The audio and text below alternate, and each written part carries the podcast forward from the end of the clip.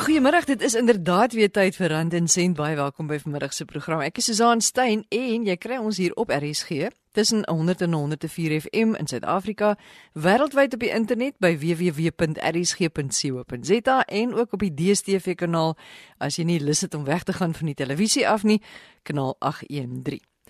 Presies 'n maand gelede het die Britte gestem om die Europese Unie te verlaat. Aanvanklik het wêreldmarkte kwaai gestruikel, maar intussen het dinge weer stabiliseer en het Suid-Afrika volgens berigte selfs vir 'n paar beleggers na 'n baie moontlike beleggingsopsie begin lyk.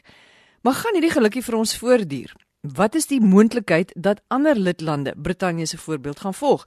En wat gaan dit vir ons as Suid-Afrikaners inhou? Dit gaan ons 'n bietjie later in die program bekyk. Nou eers terug na 'n program van 'n paar weke gelede. Ons het toe gepraat met ouers of gepraat oor ouers en hoe hulle hulle kinders kan leer om met geld om te gaan. Toe skryf Attie Klasens, hy's 'n luisteraar in en hy vra die volgende vraag. Die probleem met hoe om kinders te leer om hulle geld te hanteer, voel ek die vraag moet ook wees in watter opsig speel die ouers 'n rol? My opinie is dat ouers moet nie net die kinders leer hoe om hulle geld te hanteer nie, maar hulle moet ook so leef dat die kind uit die ouers se gewoontes kan agterkom wat die korrekte wyse is om geld te hanteer. En aan die ander kant ook is my vraag dan met ander woorde, hoe kan ouers nou hulle kinders leer om hulle geld effektief te hanteer as die ouers self in finansiële probleme gewikkel is? Hierdie vraag van Attie het my toe nou laat dink dat ja, goed, ouers moet nou vir hulle kinders 'n voorbeeld stel en dikwels leef die ouers nie reg met hulle geld nie of gaan die ouers nie reg met hulle geld om nie. Nou, wat is ouers of mense oor die algemeen se verhouding met geld? Dat ons dikwels nie weet hoe om dit te spaar nie, dit uit te gee nie, dat ons dit miskien nie waardeer nie en dat ons altyd meer begeer En dikwels begeer dit wat ons nie het nie. Dit is altyd dink, "Ja, daai mense het so baie geld. Hulle is gelukkig. As ons net so baie geld kan hê soos hulle, dan gaan ons net so gelukkig wees." En Atti sê toe Gustaf Gous is die man wat hierdie vrae vir ons gaan beantwoord oor ons verhouding met geld. Nou Gustaf is 'n leefstylafrigter en motiveringsspreker van Pretoria. Hy is bekend hier op RSG. En ek het vir Gustaf gevra, "Wat is ons probleem dat ons probleme met geld het?" Die grootste ding vir rondom geld wat die probleem is is jou mindset. Mense is in 'n kom ons noem dit nou maar 'n skaarsheid mentaliteit en in 'n amper seker 'n armoede mentaliteit. En ehm um, die kinders stel mense gesindheid op. Dit is die die een groot ding wat 'n kind by jou optel. Is as jy hierdie negatiewe gesindheid het van dat elke eh, donker wolk het 'n silwer randjie, dan sien jou kinders dit raak, maar as jy dink elke silwer randjie het 'n donker wolk, dan leer jou kinders ook daai gedagtepatrone aan. Nou dieselfde geld vir vir jou geldmentaliteit is daar 'n mentaliteit van nommer 1 dat waar dit vandaan kom is daar nog baie. Nommer 2, as jy dit het, moet jy dit goed bestuur. Nommer 3, ek mag dit hê, ek mag 'n geld selfbeeld hê. Daar's baie mense wat ek dink selfs nie net in 'n sielkundige mentaliteit nie, maar selfs 'n teologiese ding sit van o, jy mag nie geseën word nie en jy mag nie geld hê nie. So jou geld selfbeeld is dan ook 'n probleem. Die verdere probleem is wat mense het is jou gee mentaliteit en die gee mentaliteit is daar 'n krampagtigheid by ouers of is daar nie 'n krampagtigheid nie? Het jy 'n vrye hand of is jy jy kan baie keer vir 'n kind vra hoe is jou pa en ma met geld? Nie hy so suinig soos weet nie wat nie. Of hierdie persoon het 'n gee hart en en omdat die persoon se hand oop is 'n hand wat toe is kan nie weer ontvang nie en dan ook die gewone kwessie van geld bestuur as jy 'n verkwister of as jy nie 'n verkwister nie. So dit is die een ding wat kinders baie gou-gou optel van sê o genade ma sien die kredietkaart limiet as 'n teken en nie as 'n limiet nie of die pa kan dit ook doen. So daar is hierdie hierdie verkwisters mentaliteit word hierdie ding um, goed bestuur. So hier, hier is 'n klomp voorbeelde wat jy vir 'n kind stel wat jy ek dink ons besef nie dat jy in jou opvoeding moet jy ook vir jou kind 'n geldvoorbeeld stel nog 'n verdere ding is is dat die waarde van geld. Wat is die waarde wat jy aan 'n spesifieke ding koppel? Nou wat ek begin doen het is dat ek um, kontant baie keer gevat het. Ek het dit nou onlangs weer gedoen. As ek vir die kinders X aantal 100 rand voor my neer dan sê ek hier is ietsie wat ek op die familie wil bestee. Ons kan nou almal saam gaan uit eet, dan is dit in een aand, dis 'n lekker sosiale aand. As dit weg, daar's ook 'n waarde aan sosiaal saam wees en lekker kuier. Maar jy kan dit ook aan 'n ander waarde koppel. En die oomblik as die kinders sien hoeveel kontant gaan in hierdie in hierdie ete in en hulle dink daai behoeftetjie wat hulle het om dalk nog 'n ding te kry kan dalk bietjie meer wees. So ek dink hier sit jy met 'n voorbeeld wat jy stel dat jy waarde um, uiteensit. Iemand het eendag so radikaal gedoen dat hy die persoon se hele salaris gevat het en vir die kinders waarde vir geld geleer het. Hulle gesê het right hierdie gaan in hierdie rigting, hierdie gaan in daai rigting. So as jy waarde vir geld het, dan moet jy daai pakkie moet jy in hierdie rigting sit en daai pakkie moet jy in daai rigting sit en dan skielik skrik die kinders as hulle as hulle sien wat dit werklik kos. Ek bedoel ek het nou die dag my kinders 'n lekker skok gegee het ek vir hulle gesê het hulle is in 'n privaat skool en sê dat as jy kontant dan hier sê dis wat dit kos om jou 'n maand op daai op, op skool te hou. Ek dink dit het hulle nogal 'n bietjie laat besef, maar ehm um, dis nie sommer net 'n van selfsprekendheid nie. Die laaste attitude wat ek nogal daarbey wil byvoeg is 'n attitude van dankbaarheid. Een van die grootste probleme is, kom ons noem dit nou maar, die skaarsheid mentaliteit. Is jy's in 'n mentaliteit wat Erik Fromm die sielkundige genoem het van hê doen wees. Ek het nie iets nie, ek wil iets hê. Nou wil ek moet ek hard werk om iets te doen en dan gaan ek nou ryk wees. Nou meeste mense het eintlik nie eers daai roete nie. Hulle het net 'n roete van ek droom oor geld. Soos ou Lukas Marie gesing het, ek kan doen met 'n miljoen. Die probleem daarmee is die mense droom oor die eindpunt, maar hulle droom nie oor die proses nie. Nou, is daar mense wat geweldig slim is en hulle gaan woon finansiële seminare by en hulle besef daar's vier maniere hoe geld vir jou kan werk. Want ek moet nou iets doen, so ek moet nou werk vir geld. Maar dan sê ek met werk en dan moet jy nou 'n ekstra werk kry want jy dit nou nie dan werk jy jou besimpeld dan kry jy jou eerste 100 000 of jou eerste miljoen maar dan kry jy ook jou hartaanval want jy werk jou nou besimpeld en dan dink jy nou as ek die geld het gaan ek eendag gelukkig wees. Bedoel hoeveel families het ek nie in counselling nie wat die geld gemaak het en dan nou beklei daaroor sodat hulle nie hulle is op die ou ende nie gelukkig nie. So die eerste module is dat mense dink jy moet net werk vir geld. Wat ook belangrik is, jy moet werk vir geld, maar jy moenie net vasgehaak wees in die um, salaris hamsterwiel nie. Want onthou as jy as jy as jy 20 is, het jy maar 460 plus minus um, salaris checks oor en as jy 40 is 230 plus minus daarso. Vir almal vir wanneer jy aftree op 60 op 65. En ek dink die kern daarvan is dat jy jy moet besef maar ek moet geld inkry, maar hoekom is daar party mense wat minder verdien as ander maar wat ryker is as ander mense is? want hulle gaan dan in 'n proses in van dat geld vir jou kan werk. En as geld vir jou kan werk, is daar vier maniere hoe geld vir jou kan werk. En dit is mense wat dan besef, maar ek gaan nie droom van ek kan doen met 'n miljoen of so iets nie. Almal van ons kan. Maar hulle fokus op die proses om dit te kry. So Gustav, wat is hierdie proses of dan nou die vier maniere waarop jou geld vir jou kan werk? Die vier maniere is is nommer 1 eiendom, nommer 2 intellektuele eiendom, nommer 3 besigheid en nommer 4 aandele. Nou eiendom is um, hier sit jy met 'n eiendom en jy kan hom verhuur. As jy 'n eiendom het wat jy wat jy verhuur terwyl jy hier luister of praat, dan is daar 'n huurinkomste wat dan maandeliks daaruit inkom. Nou baie mense dink is net die die voorreg van mense wat 'n huis of 'n tweede huis het, maar ek weet van mense wat 'n shack het wat dit onderverdeel. Ek weet van ou mense wat nie in 'n ouer huis intrek nie, maar hulle groot huis wat hulle gehad het, onderverdeel in drie families daar laat um, bly. En ek weet van mense wat op uh, internet webwerwe ingaan wat jy internasionaal kan 'n kamer in jou huis um, verhuur en so so inkomste verdien. So dit is 'n lekker passiewe inkomste. Met ander woorde, dis daai tipe inkomste wat jy opstel dat die geld in jou rekening inloop al lê jy op die strand. Die tweede een is intellektuele eiendom. As jy 'n boek skryf, as jy 'n CD opneem, hoe het um, sangers soos Celine Dion en skrywers soos J.K. Rowling en um, um, rekenaarprogramskrywers soos Bill Gates het hulle hulle geld gemaak. Hulle dink hierdie intellektuele eiendom ding uit en dan verkoop hulle dit. En dit is een van die onderskatte gedeeltes. Ek bied baie seminare daaraan en dis baie mense bied eiendomseminare aan, maar daar's baie min intellektuele eiendomseminare. Hoe vat jy 'n idee, verpak dit, kry dit op 'n manier wat jy dit kan verkoop en dan um, kry jy jou inkomste daaruit. Die derde een is dan gewone besigheid. Moet dan jy kry 'n stelsel. En dis die probleem van meeste mense. Hulle hulle sê ek wil 'n miljoen hê. Hulle droom van die soos ek gesê het van die Lucas Marie kan doen met 'n miljoen, maar hulle droom nie van die proses nie. Ek het soveel bewondering vir mense wat 'n proses uitdink, wat 'n besigheidjie uitdink en sê maar ek gaan hierdie ding, daai ding, daai ding sou doen, ek gaan hierdie ding vervaardig en verkoop of dit nou kos is of dit nou produk is of dit nou klere is en dan dan skep jy 'n besigheid of ek gaan hierdie diens lewer. Ek gaan van tuindienste tot um, mense help met watter behoefte ook al. Want daai besigheid stig jy aan die hand van 'n behoefte in die wêreld. As jy 'n behoefte vervul en jy krap wat dit juk, gaan iemand jou betaal daarvoor. So dis hoe jy dan 'n besigheidsproses insit wat die proses werk al gaan hou, gaan jy hou jy vakansie, gaan jou besigheid nog aan. Maar die vierde een is daar's groot korporatiewe korporasies in Suid-Afrika en jy kan nie al daai hele ding besit nie, maar jy kan minstens dalk 'n klein aandeel daarin besit. Nou koop jy 'n aandeel daarin en as hulle wins maak, dan betaal hulle vir jou dividend uit of jou aandeel groei.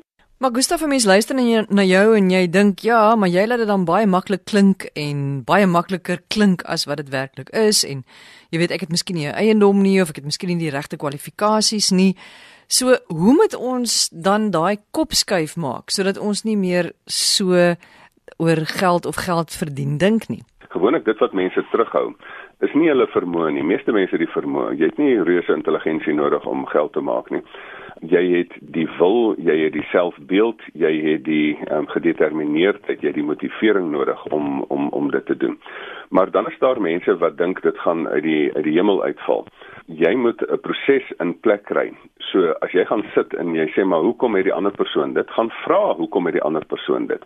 Die ander persoon net gaan sit en dink. Die ander persoon het bietjie werk ingesit, het 'n plannetjie gemaak, het gesê maar ek gaan nie nou ossewa wiele versoel in hierdie moderne tyd nie. Dit gaan nie groot besigheid wees nie. Ek gaan 'n behoefte raak sien en dan gaan ek daai behoefte vervul. In die Kaap was daar 'n man genaamd Mark Shuttleworth. Wat was die behoefte? Internetsekuriteit. Daar skryf hy die programmetjie. Daar word hy die 9de rykste in Suid-Afrika in een transaksie, want hy het 'n behoefte raak gesien, hy het die behoefte vervul. In jou omgewing is daar 'n behoefte. As jy vir mense met daai ding gaan help, gaan hulle jou betaal. Dis wat hulle entrepreneur noem. Ons hoef nie te wag vir 'n vir 'n werk nie. 'n Werk is net 'n gedefinieerde behoefte. Dit is hulle sê ek soek iemand wat dit doen, is 'n posomskrywing en dan betaal ons jou. Entrepreneur sê net ek wag nie vir die posomskrywing nie. Ek soek 'n behoefte, ek vervul dit en ek kry geld. So dit kom nie van self nie. Ek sê nie dit is maklik nie. Ek sê net dit is eenvoudig. Dit is glad nie ingewikkeld nie.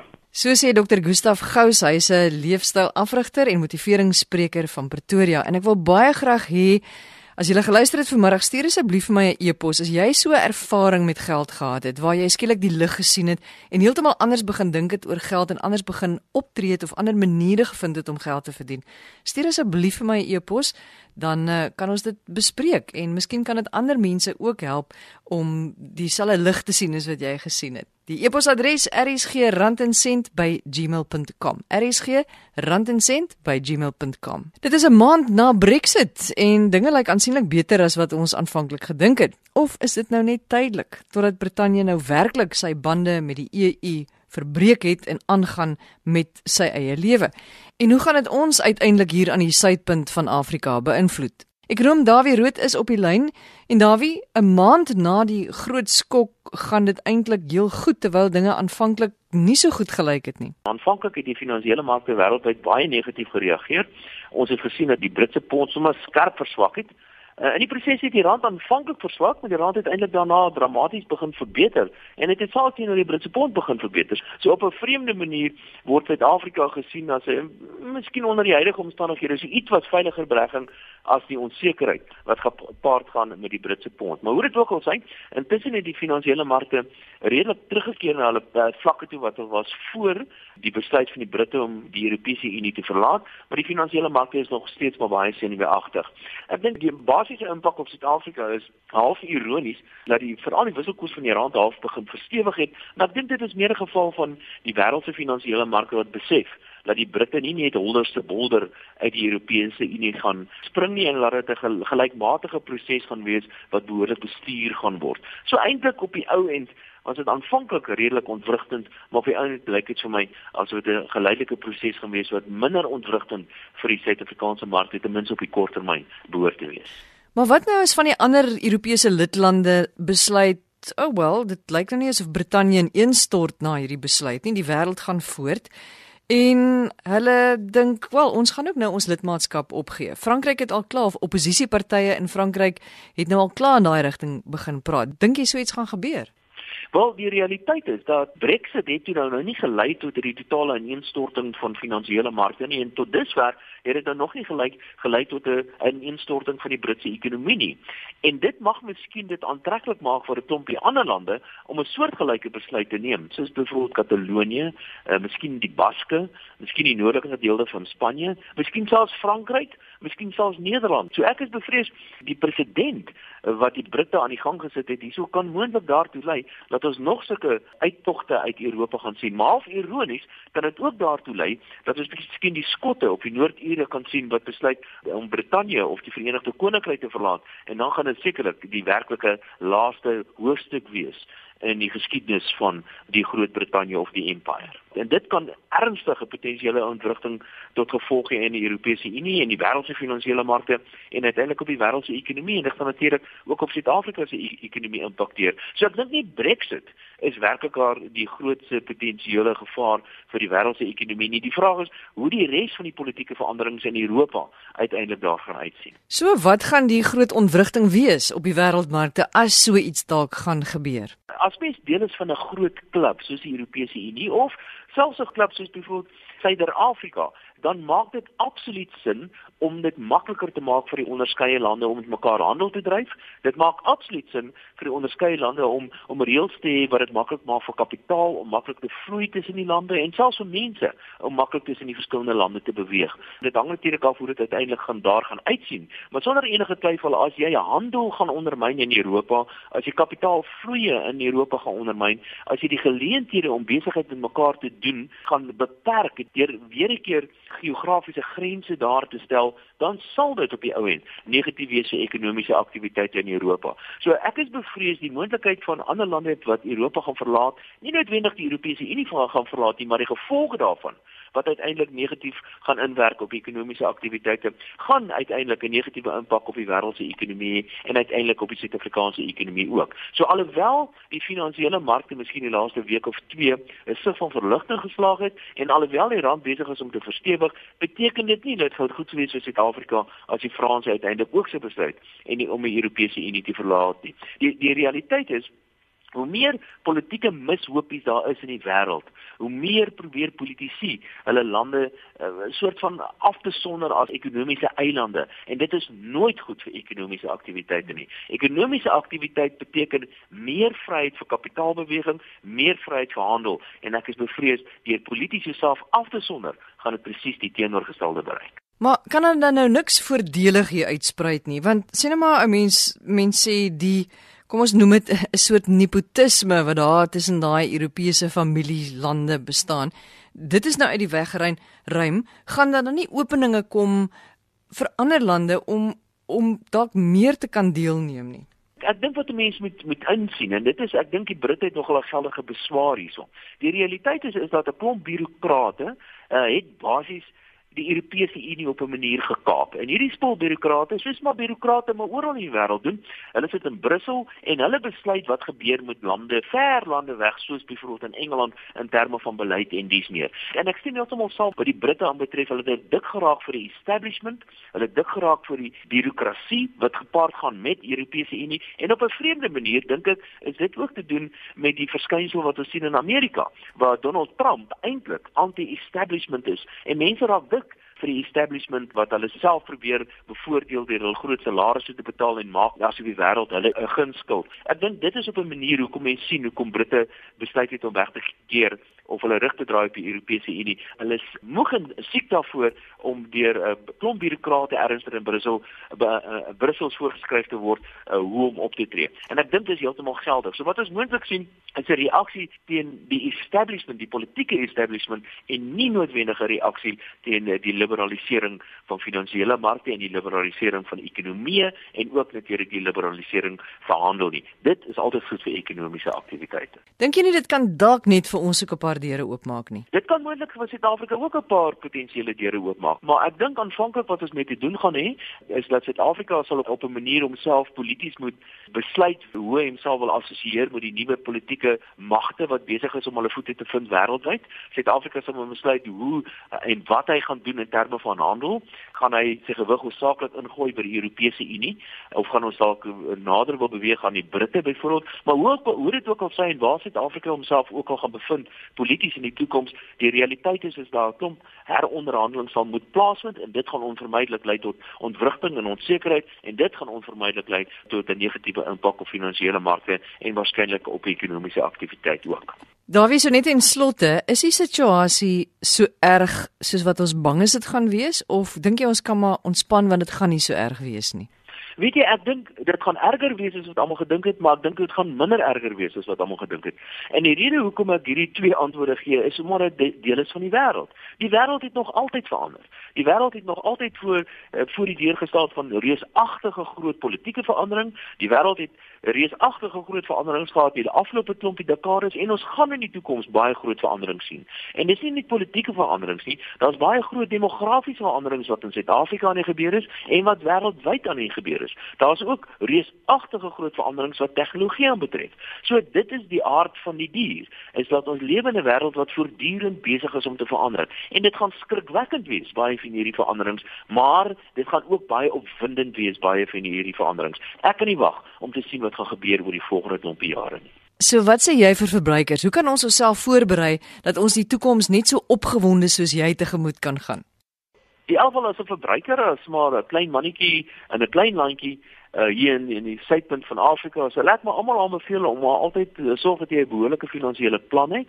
Sorg maar dat jy 'n paar rand ekstra spaar vir onvoorsiene uitgawes. Sorg dat jy 'n behoorlike begroting het en sorg vir goeie soos byvoorbeeld dat jy beplan vir jou aftrede en dies meer. Soos altyd maak dit sin om 'n behoorlike plan te hê, maar as jy veel wat mense kan doen aan die groot tendense en die groot veranderings wat besig is om wêreldwyd te gebeur nie, jy moet net bewus wees daarvan en dan moet jy probeer om jouself te posisioneer dat dit dat dit jou nie te veel op 'n individuele basis gaan ontwrig. En ek dink nie mense moet vreesbevange wees oor hierdie tipe van goed nie, want veranderings is nog altyd deel van die van die spel gewees en verandering sal altyd deel wees van die toekoms ook. Moenie bang wees hiervoor nie. Omhels dit en sien wat se geleenthede daarmee saamkom want met verandering kom maar altyd geleenthede. En ons oorleef altyd. Ons oorleef altyd. Ons het dit so ver gemaak en ek is seker ons gaan dit maak in die toekoms ook. En ek het ook 'n idee dat hoe die wêreld ook al gelyk in die toekoms, dit gaan beter lyk as wat die wêreld gelyk het in die verlede. Is lekker om ons program op so 'n positiewe noot af te sluit. Baie dankie Dawie Roodhuise, ekonom daar van Pretoria. Nou, ons moet beter voel na hierdie program want in die eerste deel het ons nou gehoor hoe ons ons hele houding teenoor geld kan verander, hoe ons 'n kop skuif kan maak sodat uh, geld na ons toe kom. En nie die tyd van verandering, die hele wêreld is besig om te verander soos Dawie sê. So ons kan nou maar net sowel saam daarmee verander want dit help nou nie ons kop teen die prikkels en raak ongelukkig en beangs nie. Ons kan maar net sowel laat gaan. Maak die beste daarvan. Sorg dat jou beplanning in plek is en uh, geniet die hele proses, die hele opwindende proses van verandering en vernuwing. En die enigste manier hoe jy daarmee saam kan leef is om uh, saam met die vloei te gaan om saam te verander. Stuur vir my 'n e-pos as jy self deur so 'n proses van verandering gegaan het waar jy anders oor geld begin dink het en waar dit skielik finansiëel met jou begin beter gaan het. My e-posadres rsg@gmail.com. rsg@gmail.com. As jy weer dan die program wil gaan luister dan gaan jy na www.rsg.co.za, klik op potgooi en uh, dan kan jy weer gaan luister. Dan vul jy net RSG daar of rand en sent daarin, dan kan jy weer gaan luister. Volgende week kyk ons na boere wat 'n plaas het, hoe gemaak as jy jou plaas moet laat erf, maar jy het meer as een kind.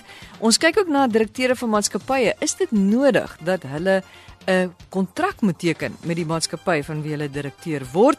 En dan praat ons oor aanlyn beleggings en 'n uh, 'n nuwe manier om aanlyn advies te kry of raad te kry vir jou beleggings. Tot volgende week, mooi bly.